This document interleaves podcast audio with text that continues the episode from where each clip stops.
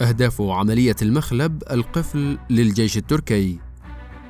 أعلن وزير الدفاع التركي خلوصي أكار فجر الاثنين انطلاق عملية المخلب القفل للجيش التركي في شمال العراق ضد عناصر حزب العمال الكردستاني بمشاركة القوات الجوية والبرية. وجاءت هذه العملية بعد عمليات المخلب الأربع التي قامت بها القوات التركية في شمال العراق منذ أيار مايو عام 2019 وتهدف بالدرجة الأولى إلى تطهير منطقة زاب من الإرهابيين.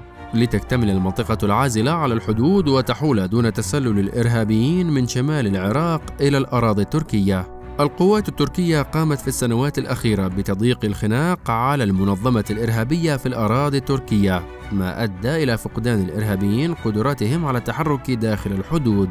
إلا أن إنهاء خطر الإرهاب الانفصالي يتطلب القضاء على أوكاره في شمال سوريا وشمال العراق، ومن المؤكد أن هذه العملية الأخيرة ستقرب تركيا من الوصول إلى هدفها النهائي في شمال العراق. وستكسر الأقفال التي تغلق طريق الجيش التركي وتمنعه من الوصول إلى جبال قنديل. ليهدم معسكرة حزب العمال الكردستاني على رؤوس قادة المنظمة الإرهابية. الظروف الدولية والإقليمية مواتية للقيام بمثل هذه العملية في ظل انشغال روسيا بعملياتها العسكرية في أوكرانيا واكتشاف الولايات المتحدة والدول الأوروبية من جديد أهمية تركيا ودورها الاستراتيجي في حلف شمال الأطلسي الناتو. وهناك دول أوروبية مثل السويد وفنلندا ترغب في الانضمام إلى الحلف إلا أنها بحاجة إلى موافقة أنقرة على هذا الانضمام. العملية العسكرية الواسعة التي تشارك فيها مروحيات أتاك الهجومية والمسيرات المسلحة. بالإضافة إلى الطائرات الحربية جاءت بعد اللقاءات التي جمعت بين المسؤولين الأتراك والأكراد. وكان رئيس الجمهورية التركي رجب طيب أردوغان استقبل يوم الجمعة رئيس وزراء إقليم كردستان العراق مسرور برزاني في مكتبه بإسطنبول وكان رئيس الاستخبارات الوطنية التركي حاكان فيدان. حاضرا في ذاك اللقاء. ما يؤكد أن الجيش التركي يقوم بهذه العملية بعلم حكومة الإقليم وموافقتها والتنسيق معها.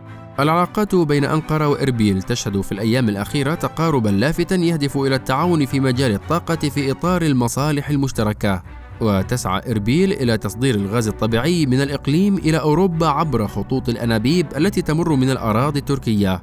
في ظل حاجة الدول الأوروبية إلى إيجاد بدائل للغاز الروسي ومن المؤكد أن مثل هذه المشاريع لا يمكن إنجازها في منطقة تسيطر عليها المنظمة الإرهابية وتفتقر إلى الأمن والأمان.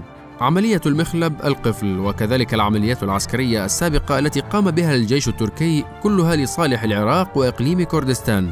ويشدد مسؤولون عراقيون بين الحين والآخر على رفضهم لاستخدام الأراضي العراقية للهجوم على جيران بلادهم. كما أن المنظمة الإرهابية تهدد أمن إقليم كردستان واستقراره ولا تتردد في الاشتباك مع قوات البيشمركة الكردية الموالين للحزب الديمقراطي الكردستاني حزب بارزاني.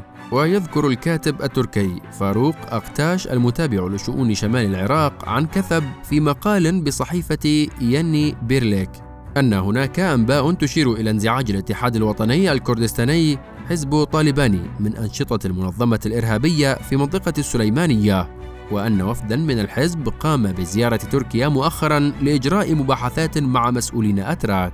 إيران مستاءة من التقارب بين تركيا وأكراد العراق عموما ومن مشروع نقل الغاز من الإقليم إلى أوروبا على وجه الخصوص وبالتالي يمكن قراءة الانتقادات الموجهة إلى أنقرة من أطراف عراقية موالية لطهران في هذا الإطار. كما أن اتهام تركيا بخرق سيادة العراق باطل ولا معنى له لأن سيادة بغداد في منطقة العملية مفقودة. ولا يمكن الحديث عن سيادة عراقية في منطقة تسيطر عليها المنظمة الإرهابية.